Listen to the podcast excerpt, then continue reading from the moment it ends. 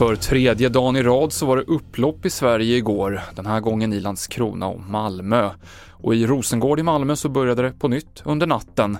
En stadsbuss blev satt i brand och det kastades sten och molotovcocktails mot polisen. Vår reporter Micke Nilsson var på plats under nattens oroligheter. Ja, nu har lugnet lagt sig här i stadsdelen, men igår så var det helt kaotiskt och när jag anlände så brann den där bussen med öppen låga och det är inte mycket som återstår utav den. Mer om upploppen på TV4.se. Ryssland säger att man kommer skona ukrainska soldater i hamnstaden Mariupol om de lägger ner sina vapen idag. Stora delar av stan har förstörts i ryska bomb och artilleriattacker och tusentals civila befaras ha dödats.